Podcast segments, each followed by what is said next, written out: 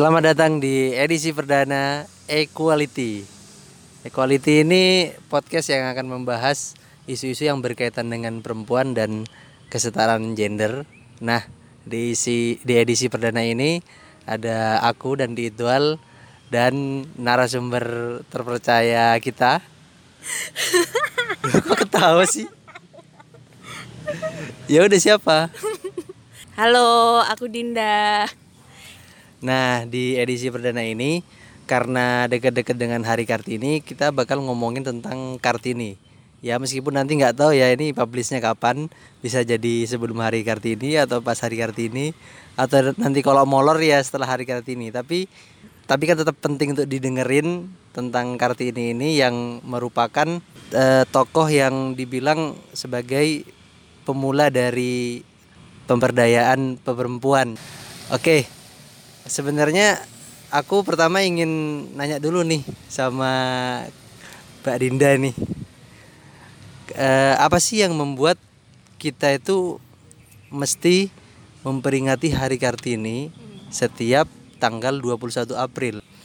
Eh, tapi sebelumnya aku mau ngoreksi dulu nih soal kata pemberdayaan ya. Menurut aku tuh pemberdayaan tuh kayak seolah-olah tuh perempuan tuh nggak punya kuasa sendiri buat menentukan pilihannya, buat dia apa memilih misalnya pengen jadi ibu rumah tangga atau mungkin dia milih jadi wanita karir kayak gitu. Menurutku kata pemberdayaan itu lebih banyak konotasi negatifnya. Jadi aku lebih suka kalau misalnya pengajaran aja karena kenapa pengajaran ya karena di sini kita tuh sama-sama lagi belajar gitu loh bagaimana sih kita menghargai bahwa uh, setiap manusia itu memang punya hak yang sama untuk sekolah untuk uh, punya kesempatan kayak gitu. Nah, balik lagi ke pertanyaan tadi, kenapa sih setiap tanggal 21 April kita memperingati Hari Kartini? Sebenarnya menurut aku Hari Kartini itu agak kurang pas ya karena uh, yang di yang dimaksud Hari Kartini itu kan sebenarnya ini ya, apa namanya? kayak uh, memperingati bahwa pada masa itu Indonesia tuh lagi ini loh lagi memasuki zaman modern. Kenapa modern? Ya karena uh, modern itu istilahnya dari barat ya. Karena dulu itu pendidikan itu ya asalnya dari barat dong. nggak ada maksudnya di Indonesia sendiri tuh kan waktu itu masih terjajah ya istilahnya kayak gitu. Nah, kenapa disebut zaman modern? Ya karena saat itu uh, baik di Eropa itu muncul kaum liberalis yang mereka itu pengen uh, semua orang tuh punya kesempatan yang sama dan mereka juga nggak pengen adanya perbudakan kayak gitu. Nah semangat semangat dari kaum liberalis ini yang berusaha ditularkan di Hindia Belanda waktu itu. Nah di Hindia Belanda sendiri tuh memang waktu itu ya namanya juga kolonialisme ya. Terus apalagi di tanah Jawa itu adat feodalisme itu masih kental. Dan Kartini ini karena dia sudah mengenyam pendidikan ala barat karena dulu dia disekolahkan sama orang tuanya. Dan dia juga bertukar pikiran sama teman apa sahabat penanya yaitu kayak Estelle Zehandeler atau Nyonya Abendanon itu.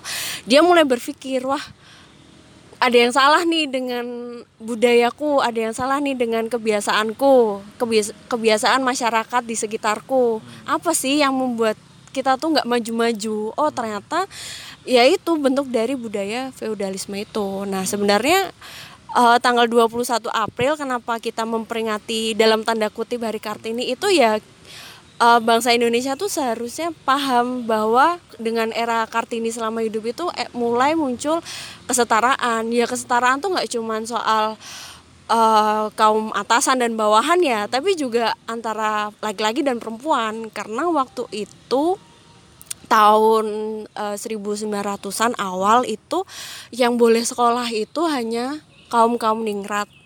Ya anaknya bupati atau anaknya wedana dan itu pasti laki-laki. Hmm.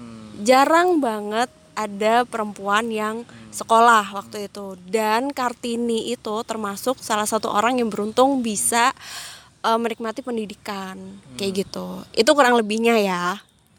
Oh jadi kata pemberdayaan itu kurang srek ya kayaknya ya kalau dipakai untuk ini ya. Iya, soalnya kayak gimana ya, kayak seolah-olah tuh perempuan tuh nggak bisa menentukan nasibnya sendiri gitu. Itu menurut aku ya, nggak tahu kalau menurut teman-teman yang lain. Apa tadi yang cocok eh, pengajaran? Iya pengajaran, karena menurutku ya setiap eh, setiap manusia baik laki-laki, perempuan atau apa pun lah gendernya tuh juga berhak untuk menerima pengajaran. Nah, kalau tadi disebutin eh, Kartini itu muncul kesadarannya setelah bertukar pikiran itu dengan siapa orang Belanda tadi? Itu loh siapa Estelle Zehandelar sama Nyonya Abendanon. Oh dua orang itu. Iya itu yang ada di bukunya yang habis terbit apa habis gelap terbitlah terang itu. Nah sebenarnya apa sih yang diobrolin di itu surat menyurat ya? Iya, jadi tuh isi bukunya tuh yang habis gelap terbitlah terang. Ini aku baca versi ininya ya apa namanya Eh, versi lamanya itu full murni isinya tuh cuman kumpulan surat-surat doang. Jadi kalau kalian baca mungkin agak-agak nggak paham gitu karena aku juga nggak paham awalnya. Tapi eh, setelah buku itu ada beberapa literatur lain misalnya dari bukunya Pram eh, sebut saja aku Kartini, panggil saja aku Kartini. Panggil aku Kartini saja. Oh iya itu pokoknya itulah bukunya dari Pram. Nah, itu di situ benar-benar dijelasin maksud dari isi suratnya itu. Nah ya coba diceritain. Jadi sebenarnya kegelisahan-kegelisahan apa yang muncul di surat itu sehingga si Kartini mulai mempunyai kesadaran yang disebut tadi bahwa oh ini eh, laki-laki dan perempuan eh, harusnya mendapatkan hak yang setara dong misalnya dalam pendidikan tadi yang katanya meskipun waktu itu kaum ningrat bisa sekolah tapi toh kaum kaum laki-lakinya saja. Nah, sebenarnya apa yang dicurhatin sama Kartini di situ dan eh, apa sih ya isinya lah gitu loh. Sebenarnya sih yang yang aku tangkap sebagian besar ya adalah bahwa Kartini itu sejak kecil dia sudah merasa terdiskriminasi. eh pertama sih dari lingkungan keluar- keluarganya ya. Bapaknya itu namanya eh, Raden Mas Aryo Sosrodiningrat. Beliau itu eh, anak dari Bupati Demak. Namanya Condro Condro siapa ya? Pokoknya namanya Condro itu. Bukan. Aku lupa namanya siapa karena namanya itu terlalu panjang. Pokoknya eh, bapaknya Kartini itu anak dari Bupati Demak. Nah, Bupati Demak ini yang bernama Condro siapalah itu. Dia itu memang sudah berpikiran eh, istilahnya maju ya karena waktu itu ketika dia diangkat eh, bupati di Demak, waktu itu di sana lagi banyak eh, dilanda kelaparan, bencana kelaparan. Itu benar-benar eh, hasil panen selalu gagal, nggak ada hujan atau segala macam lah ya. Kamu bisa bayangkan sendiri bagaimana eh, gentingnya situasi pada saat itu. Nah, ketika dia diangkat oleh gubernur Hindia Belanda, dia mulai berpikir, kenapa sih kok rakyatku ini banyak yang menderita? Nah, kan ketika dia diangkat itu juga belum lama nih panger apa perang di Ponorogo tuh baru kelar. Nah, dia juga berpikir eh, kalau misalnya kita melawan hanya dengan cara perang itu nyatanya ba- udah banyak contoh bahwa itu tuh nggak selalu menang. Jadi dia memikirkan kembali bahwa apa sih yang membuat Belanda itu kuat gitu loh. Senjatanya sama aja sebenarnya. Kita juga unggul misalnya pakai senjata-senjata tradisional gitu ya. Tapi ada satu hal yang memang eh, kaum pribumi itu kalah. Nah, si bupati ini menyadari bahwa yang menang dari kaum Belanda itu adalah kemajuan dan ilmu pengetahuan. Makanya eh, si bupati ini pengen eh, pengen loh kayak memberikan pengajaran, tapi saat itu juga eh, yang bisa sekolah itu hanya kaum kaum ningrat. Ya which is itu anak-anak bupati yang maksudnya yang punya jabatan saat itu. Nah, akhirnya dia menyekolah eh, menyekolahkan semua anaknya yang kebetulan banyak laki-laki masuk ke sekolah gubermen. Tapi itu pun cuman jadi pegawai rendahan. Pegawai rendahan tuh ya apa ya? Misalnya ya PNS golongan paling rendah lah kayak gitu. Nah, karena waktu itu juga belum ada pegawai apa sekolah untuk pegawai yang bisa setingkat apa ya? golongan 3A, 3B kalau zaman sekarang tuh kayak gitu. Hmm. Nah, dia juga si bupati ini sebelum dia mangkat, dia juga berpesan sama anak-anaknya yang salah satunya adalah bapaknya Kartini yaitu Sotro- Sosro Diningrat itu untuk apa namanya untuk uh, melanjutkan pengajaran kayak gitu. Nah, akhirnya berbekal dari uh, omongan-omongan itu akhirnya Sosro Diningrat juga berpikir wah anak-anakku harus sekolah. Dan uh, waktu itu ketika misal uh, ketika si bupati Demak ini nyekolahin anaknya itu memang banyak dicela sama bupati-bupati yang lain karena ngapain sih kayak sekolah namanya juga kaum feodal gitu loh buat apa sekolah Oh berarti di zaman itu eh, anak-anak ningrat itu tidak biasa sekolah apa gimana? jadi sekolah tuh dianggap apa ya dianggap suatu hal yang terlalu mewah mungkin ya pada saat itu. Dan biasanya kan yang sekolah kan cuman anak-anak Eropa. Nah waktu apa pokoknya Sosro Diningrat itu uh, meneruskan petuah dari ayahnya Bupati Demak itu untuk menyelok menyekolahkan anak-anaknya. Dan dia itu tidak berpikir bahwa cuman laki-laki doang nih yang disekolahin dia juga nyekolahin dong Kartini dan adik-adiknya yang perempuan Oh berarti waktu itu Kartini dan adik-adiknya yang perempuan itu udah mulai sekolah ya? Padahal yang anak-anak bupati yang anak-anak ningrat yang lain yang perempuan ini belum mengenyam pendidikan sama sekali. Nah, balik lagi ini nama ini budaya feodal di mana perempuan itu tidak punya hak sama sekali untuk ya bersuara apalagi buat sekolah. Tapi bapaknya Kartini punya pikiran berbeda terus dia menyalahkan anak perempuannya gitu. Iya benar. Nah tapi karena namanya budaya feodal yang itu susah untuk dihilangkan, ya Kartini tetap sekolah tapi cuman kayaknya cuman dua tahunan kali ya. Karena di usia 12 tahun dia udah mulai dipingit. Ya karena adat-adat itu tadi.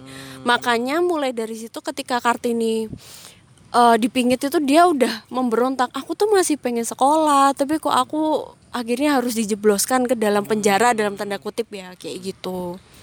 Oh, jadi aku agak sedikit paham nih sekarang. Iya, gitu. Karena aku selama ini berpikirnya bahwa kenapa sih Kartini bisa berpikiran seperti itu sementara yang lain tidak? Ternyata kan dia sudah mulai mengenyam pendidikan, cuman tidak sampai selesai, mungkin hanya dua tahun tadi itu ya, kira-kira ya. Berarti kan juga ada peran dari bapaknya yang bisa berpikir berbeda dari ningrat-ningrat yang lain bahwa nggak cuma anak-anak eh, laki-lakiku nih yang mestinya sekolah tapi anak-anak perempuan juga tapi bapaknya Kartini waktu itu punya anak laki-laki nggak Lo ya punya. oh jadi kan bukan karena keterpaksaan karena nggak punya anak laki-laki terus menyekolahkan anak-anak perempuannya termasuk Kartini kan tapi karena memang ada kemauan kemauan dari eh, bapaknya Kartini ini untuk menyekolahkan anak-anak perempuannya berarti pertanyaanku sekarang untuk kesadaran terhadap apa ya yang membuat Kartini sadar itu kan sebenarnya ada peran juga dia pernah mengenyam pendidikan formal dong Iya, justru eh, gimana ya jelasinnya ya? Karena dia itu pernah mengenyam pendidikan formal dan dia juga bergaul dengan orang-orang Eropa.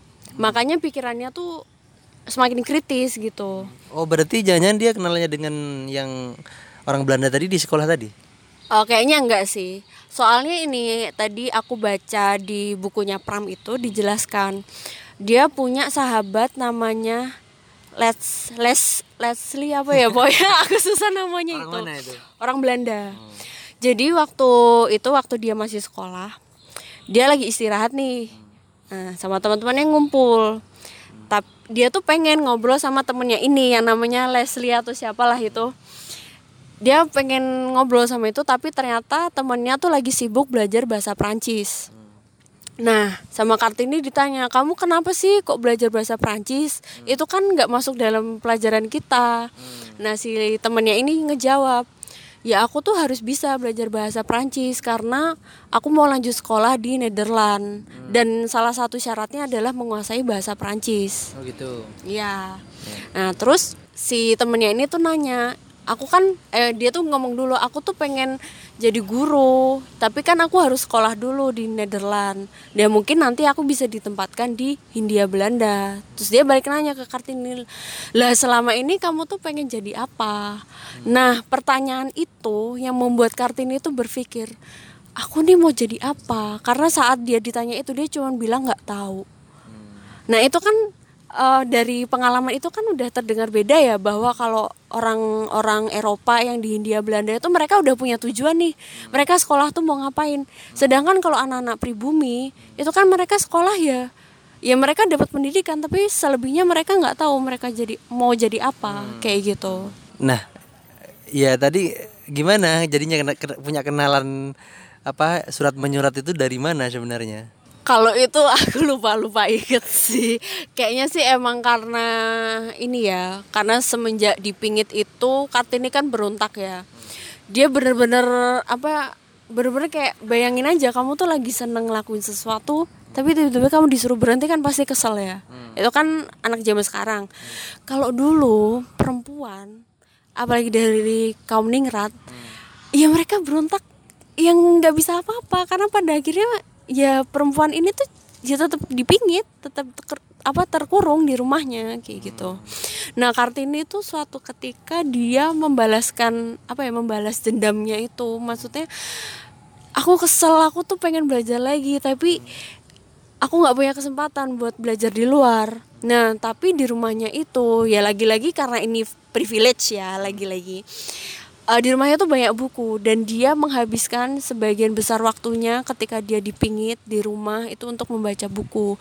Nah mulai dari situlah dia berani untuk menuliskan sesuatu dan dan apa dulu tuh namanya ada nota ya aku kurang tahu nota itu seperti apa tapi di dalam bayanganku tuh semacam karya ilmiah gitu sih hmm. tulisan-tulisan ilmiah tulisan-tulisan opini itu ya nah itu dia mulai menuliskan itu dari uh, pengalamannya membaca buku.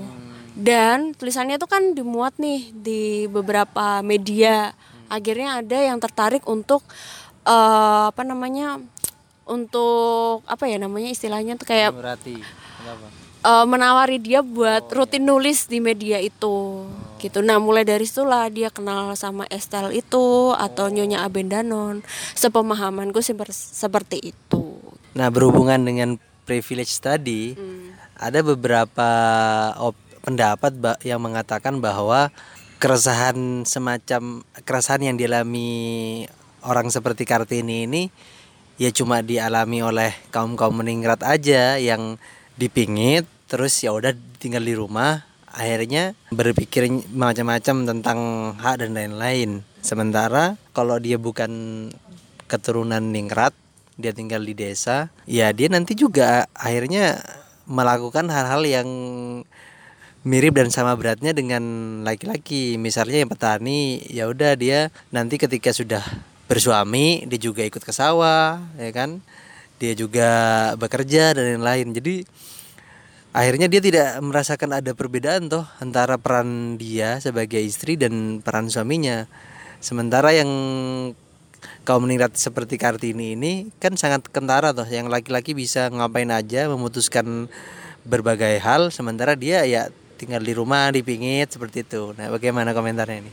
Nah ini aku cerita berdasarkan apa yang aku baca ya. Hmm. uh, suatu ketika tuh Kartini dan adik-adiknya itu dibebaskan dari pingitan. Hmm. jadi oh, mereka pernah. pernah. Pernah bebas dari pingitan? Memang dibebaskan memang dibebaskan tapi aku belum nemu sih belum baca sejauh mana kenapa mereka dibebaskan. Nah tapi ketika mereka keluar dari pingitan itu mereka kan otomatis melihat dunia luar tuh. Otomatis mereka juga akan melihat dong lingkungan sekitarnya misalnya kehidupan rakyatnya tuh kayak gimana. Nah kartini yang selama ini apa namanya dia tuh merasa hidupnya tuh ah makan tiga kali sehari tapi aku dipingit kayak gitu. Dia tuh merasa pingitan tuh masalah yang sungguh pelik gitu loh bagi dia. Tapi ketika dia keluar dia melihat kenyataan bahwa ya ampun ternyata tuh rakyatku tuh ada yang bisa makan walaupun cuma sekali ada yang bisa makan. Dan dia tuh mulai tersentuh tuh perasaan kayak gitu. Dan uh, dan pengalaman dia di luar itu dia dia jadi berpikir bahwa aku nih pengen melakukan sesuatu untuk rakyatku tapi aku hanyalah perempuan Jawa yang hidup di dalam tradisi kebangsawanan itu. Ya ibaratnya tuh di dalam tradisi tradisi feodal kamu tuh tetap nggak bisa apa-apa meskipun kamu perempuan. Karena kamu tuh sungguh-sungguh dibatasi gitu loh oleh ayahmu oleh nanti suamimu kayak gitu. Jadi yang dia bisa lakukan ya dia menulis untuk maksudnya menulis segala pengalamannya itu ya meskipun akhirnya nanti ketika dia udah menikah untungnya suaminya tuh mendukung dia untuk bikin sekolah gitu. Ya tapi pengalaman-pengalaman itulah yang bikin dia tuh merasa ya antara kalau aku baca surat-suratnya ya ya dia tuh merasa iba dia merasa kesal dengan kedudukan dia karena dia beneran nggak bisa apa-apa. Selain ya akhirnya dia cuman bisa apa namanya uh, cuman bisa nulis cuman bisa menceritakan apa-apa yang terjadi di lingkungan dia kepada sahabat penanya kayak gitu. Jadi kemungkinan besar uh, sahabat penanya itulah yang nanti bisa menyimpulkan ini loh keadaan Jawa sesungguhnya tuh seperti apa budayanya seperti apa kayak gitu. Ya tapi meskipun cuma menulis kartini cuma menulis tapi kesadaran yang dia punya sebenarnya mahal juga ya. Iya. karena uh, itu sesuatu yang langka di zaman itu. Nah ngomong-ngomong tentang cerita Kartini waktu di sekolah tadi, kamu kan bilang dia merasa terdiskriminasi karena dia tidak punya pilihan untuk melanjutkan sekolahnya karena dipaksa dipingit kan. Sebenarnya ada nggak ada lagi nggak sih e, perasaan terdiskriminasi lainnya selain tentang sekolah tadi yang juga membentuk pemikiran pikiran dari seorang Kartini? Nah ini yang paling penting nih dan aku yakin teman-teman perempuan tuh pasti akan tertarik dengan isu ini. Jadi bapaknya Kartini itu kan Raden Mas Sosro di Ningrat itu dia tuh seorang Ningrat. Dulunya dia asisten Wedana di Jepara. Nah suatu ketika ketika dia berkeliling ke ya nggak tau lah ke mana terus dia sampailah di daerah uh, perkebunan Nah itu ada namanya mandor. Nah mandor itu punya anak namanya Ngarsina. Nah si asisten Wedana ini, which is itu bapaknya Kartini, dia tertarik sama perempuan itu, Ngarsina itu. Makanya si Ngarsina ini dibawalah ke rumahnya, ke kediamannya. Padahal saat itu bapaknya Kartini, dia sudah punya istri. Ibunya Kartini? I, bukan. Terus? Istrinya itu uh, kayak apa ya ibu utama. Ibu utama tuh kayak permaisuri ya betul. Nah ibu utama ini dia keturunan dari ratu Madura. Oh dia orang Madura ternyata. Ya pokoknya di zaman itu terutama di kaum Ningrat yang berlaku di kaum Ningrat itu ketika seorang suami membawa perempuan ke rumah istri yang sah, istri permaisuri itu tadi, dia harus menerima kalau perempuan yang dibawa suaminya itu adalah istri sah dari suaminya. Dan dia tidak bisa untuk menolak atau gimana. Pokoknya ya udah dia terima aja gitu. Oh jadi si istri yang sah itu harus menerima berarti? Ya zaman itu karena ya namanya tata cara feodal ya ya itu kan maksudnya meskipun saat itu uh, masih era-era uh, Islam. Islam kan baru masuk ya. Tapi uh, tata cara feodal itu tetap tetap masih berlaku. Ya dengan cara raja itu punya banyak selir tapi permasyurinya cuma satu. Ya kayak gitu yang masih berlaku. Berarti kalau mau poligami nggak usah izin ya? Ya nggak gitu juga careless. Nggak kan... di zaman itu maksudnya? Iya oh, berarti enak juga kalau lanjutin sampai sekarang ya. Enak aja nggak mau lah kayak gitu. Jadi nah karena uh, karena apa ya karena uh, keharusan ya dalam tanda kutip bahwa istri yang sah itu harus menerima bahwa lalakinya suaminya membawa perempuan lain yang itu adalah istri dari suaminya dia dia pasti muncul sentimen dong. Pasti dia merasa tersaingi kok ada perempuan lain masuk ke rumahku? Nah itu itu yang pertama yang kedua itu uh, Kartini lahir. Dari ibu yang bisa kita bilang adalah ibu selir ya. Dia dia tidak apa ya dalam literat apa literatur yang aku baca itu memang tidak dijelaskan ibunya nih sebenarnya tuh kayak gimana apakah dia yang mengasuh Kartini atau embannya embannya tuh kayak pembantu ya.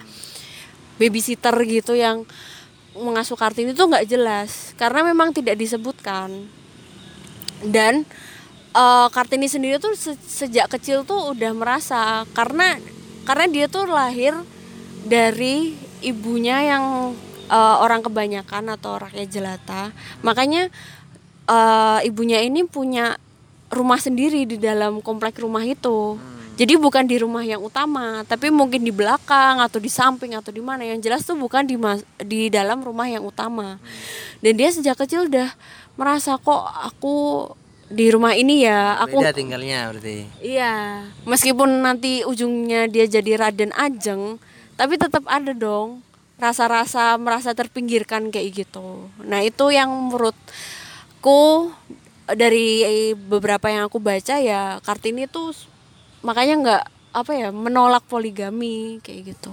Bukan menolak juga tapi dia tidak suka dengan cara-cara poligami yang di dilanggengkan oleh kaum feodal kayak gitu.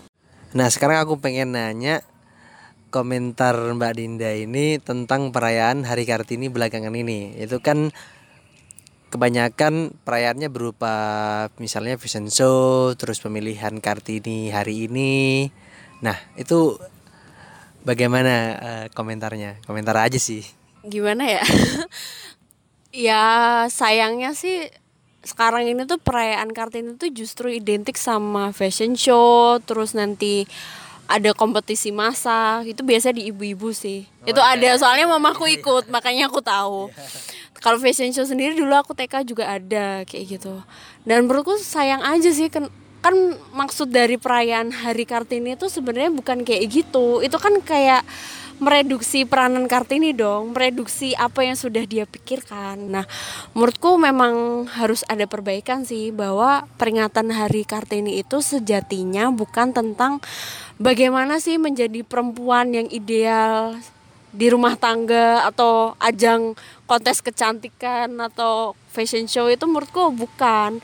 Tapi yang harus kita pahami adalah perayaan Hari Kartini itu ya ini apa kita tuh harus sadar bahwa setiap manusia entah itu laki-laki atau perempuan atau apa pun lah gendernya dia berhak untuk uh, menerima kesempatan misalnya sekolah dia berhak untuk memilih apa yang sudah diputuskannya dia juga berhak untuk uh, misalnya ikut ajang uh, apa namanya ikut kegiatan-kegiatan yang mayoritas diikuti laki-laki misalnya kayak gitu. Itu menurutku malah jadi agak nggak sinkron aja ya perayaan kartini sekarang sama semangat yang dibawa kartini.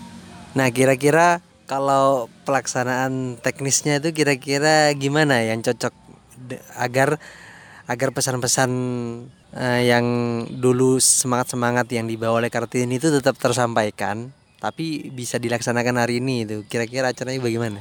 Kalau acara sih karena aku bukan event organizer ya, aku jadi kurang tahu sih. Cuman uh, semisal mau mengadakan kompetisi ya taruhlah misalnya kompetisi menulis misalnya tentang bagaimana sih kamu menilai Kartini misalnya ya. Nah, itu dijadikan kompetisi nanti uh, terserah nanti uh, hadiahnya seperti apa tapi kan setidaknya kalau ada kompetisi untuk menilai Kartini secara pribadi ya kita kita nih pasti akan belajar gitu loh oh iya iya benar ya. siapa sih Kartini itu dan kenapa dia itu terkenal dan menurut aku kalau misalnya ada kompetisi fashion show ya bukan apa ya itu bukan hanya sekedar kecantikan gitu loh. Nggak ada istilahnya tuh kartini tuh diagung-agungkan karena dia cantik. Enggak dia diagungkan itu karena pemikirannya yang melampaui pemikiran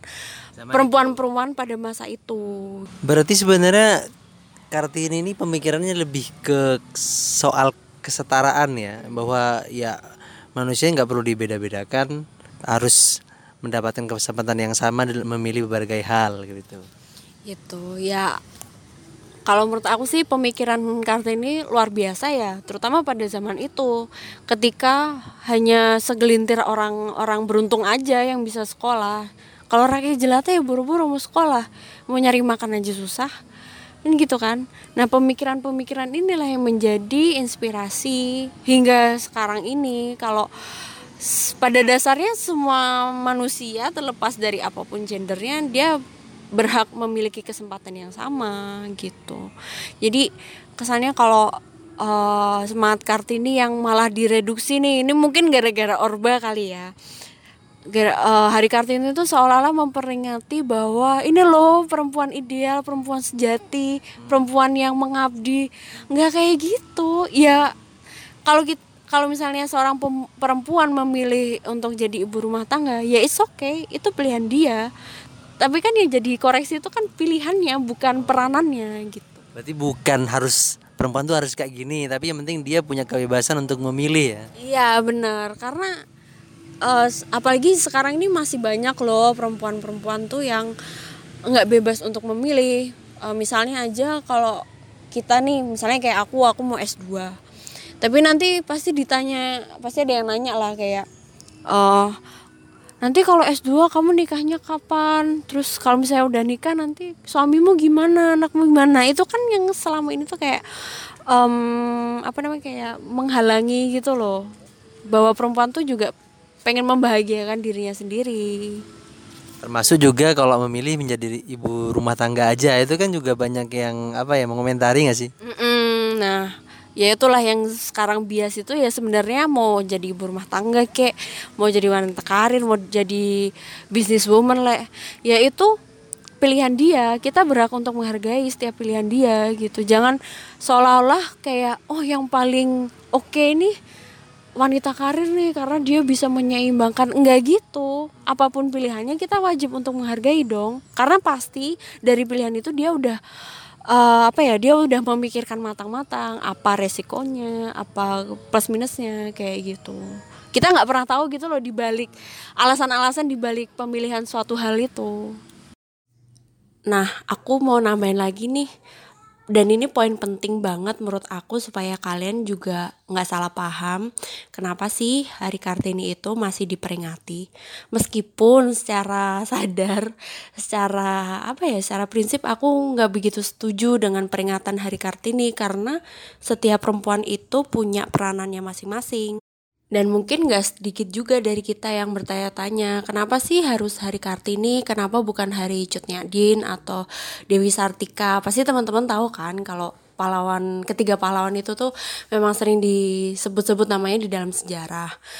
Nah, apa ya kalau menurutku misalnya kayak Cutnya Din, ya dia memang apa ya ya seperti yang aku bilang tadi bahwa perempuan tuh punya peranannya masing-masing dan kita nggak bisa serta merta menilai bahwa perjuangan ini loh yang paling hebat oh perjuangan ini loh yang paling bermartabat. Itu nggak gitu karena uh, menurutku ya semua itu harus dilihat dari konteksnya. Misalnya perjuangan cutnya Jin itu ya mereka dia memilih uh, berjuang di medan perang ya karena waktu itu lagi perang Aceh coy. Ya kamu mau ngapain lagi sih kalau rakyatmu lagi sibuk perang tapi kok apa ya kamu cuman diem aja di rumah. Nah itu kan pergolakan batinnya cuknya jin ya. Dia sendiri uh, waktu itu waktu perang pertama waktu sama suaminya yang pertama dia menyesal kenapa dia ikut mengungsi kenapa dia malah nggak bantu suaminya tuh dia menyesal. Akhirnya karena penyesalan itu dia dia juga bertekad pengen berjuang buat ngusir Belanda dari tanah kelahirannya kayak gitu. Nah, kalau di Kartini sendiri kita semua tahu bahwa concern dia itu tentang pendidikan. Kenapa? Yang pertama, yang sudah aku bilang tadi bahwa leluhurnya Kartini itu memang uh, salah satu apa ya meskipun mereka masih feodal tapi uh, apa ya sistem feodalisme yang ada di tanah Jepara itu nggak bisa kita samakan dengan feodalisme di daerah lain misalnya kayak di Mataram gitu enggak kita nggak bisa menyamakan itu ya karena kita sendiri tahu bahwa di Jepara itu sendiri sistem feodalisme itu berbeda. Dan bahkan leluhurnya Kartini sendiri kayak kakeknya Kartini dia sendiri yang uh, memprakarsai bahwa pendidikan itu tuh penting loh. Dia sendiri yang membuka jalan supaya uh, anak-anaknya nanti cucu-cucunya nanti bahkan suatu saat nanti rakyat rakyatnya itu juga akan berpikiran maju dengan menent, uh, dengan mengabdikan pada ilmu pengetahuan kayak gitu. Nah, Kartini sendiri beranggapan bahwa pendidikan itu penting. Tapi kita lihat lagi konteksnya, pentingnya itu yang pertama-tama adalah khususnya untuk kaum ningrat atau eh, orang-orang uh, feodal itu.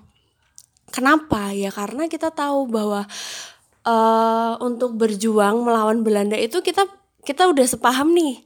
Tapi yang sering menghalang-halang itu kan kaum feodal. Mereka udah enak dong dengan sistem yang diciptakan. Ya mereka banyak yang menghamba kepada mereka, banyak yang uh, memuja mereka dan mereka tuh udah keenakan gitu loh di dalam sistemnya itu dan mereka tuh nggak pengen ada perubahan. Nah itu itu juga pernah dijelaskan oleh Mbah Pram di dalam bukunya bahwa orang-orang feodal sendiri yang kadang malah menghambat kita untuk bersatu kayak gitu karena mereka udah keenakan sendiri sama sistem itu. Nah, Kartini dengan pemikiran-pemikirannya yang mulai modern pada zaman itu, dia berpikir bahwa yang harus diubah dulu nih kaum feodal karena ya mereka sendiri dong yang menghambat semua perjuangan Ya contohnya adalah perang di Ponegoro ya. Ya kita tahu semua tuh berjuang lewat perang, tapi kan kita nggak punya satu hal yaitu pendidikan, yaitu ilmu pengetahuan atau kemajuan. Makanya kita selalu kalah karena kita nggak ngerti gimana sih cara mengusir dalam tanda kutip Belanda dari tanah Jawa misalnya kayak gitu. Nah Kartini berpendapat bahwa orang-orang ningrat inilah, orang-orang feodal inilah yang harus diubah cara berpikirnya mereka itu udah keenakan dong dan mereka nggak pengen. Sebenarnya mereka tuh juga pengen melawan Belanda tapi lagi-lagi mereka udah keenakan dengan sistem itu. Makanya mereka juga ya udahlah udah gini aja mau ngapain lagi? Yang penting aku nurut sama Hindia apa gubernur Hindia Belanda aku yang penting uh, bisa bayar pajak atau apalah. Tapi mereka nggak nggak berpikir bahwa uh, kehidupan kayak gitu tuh ya cuman mereka doang yang menikmati. Rakyat rakyat kecil kayak ya rakyat rakyat di Jawa itu ya tetap aja miskin tetap aja bodoh. Karena mereka nggak dapat pendidikan kayak gitu. Makanya kartini berinisiatif bukan berinisiatif ya tapi dia pengen banget uh, pendidik pendidikan itu mulai disebar. Yang pertama-tama nih dari kaum ningrat dulu karena mereka sendiri kan punya pengaruh tuh di dalam susunan masyarakat Jawa. Nah, kalau misalnya mereka udah berpendidikan, mereka juga akan berpikir dong, wah aku nggak bisa nih membiarkan rakyatku uh, miskin terus nggak bisa makan atau mereka tuh dibodohi kayak gitu mereka pasti akan berpikir kayak gitu. Nah makanya dengan pendidikan itu kartini berharap supaya kaum kaum ningrat inilah yang akan menyebarkan ilmu pengetahuan itu ke rakyat rakyatnya karena mereka sendiri nih yang pertama kali mempunyai kesempatan dong buat sekolah. Ya karena mereka uh, kita tidak bisa meli apa memungkiri ya bahwa di uh, masyarakat feodal itu masyarakat ningrat itu dia memang udah punya hak untuk sekolah gitu. Kalau rakyat kan nggak bisa mereka boro-boro sekolah mereka mikir makan aja susah gitu. Nah menurut aku sih pemikiran kartini itu benar-benar udah maju ya pada zamannya karena ya itu tadi leluhurnya sendiri ya dari kakeknya dari ayahnya. Mereka juga di, apa mendukung untuk kemajuan pendidikan. Ya udah menarik banget ternyata banyak hal tentang Kartini yang ternyata aku belum tahu dan mungkin pendengar ini juga banyak yang belum tahu tentang apa cerita-cerita sejarah Kartini, bagaimana kehidupannya, bagaimana keluarganya dan tentang sekolah dia yang tentunya membentuk pikiran dia, membentuk apa mendorong dia mempunyai pikiran-pikiran yang luar biasa melampaui zaman. Dan juga tadi menarik tentang pilihan ternyata yang terpenting itu perempuan bebas untuk memilih yang penting ya bukan dipaksa atau dituntut untuk memilih A atau B atau lebih baik menjadi ini menjadi itu oke itu aja episode perdana dari Equality. Semoga bermanfaat. Jangan lupa ya nantikan episode-episode selanjutnya karena pasti bakal ada bahasan menarik soal equality yang tentunya eh, nggak jauh-jauh sih dari isu uh, kesetaraan gender maupun isu perempuan. Ya udah, sampai jumpa di episode selanjutnya. See you.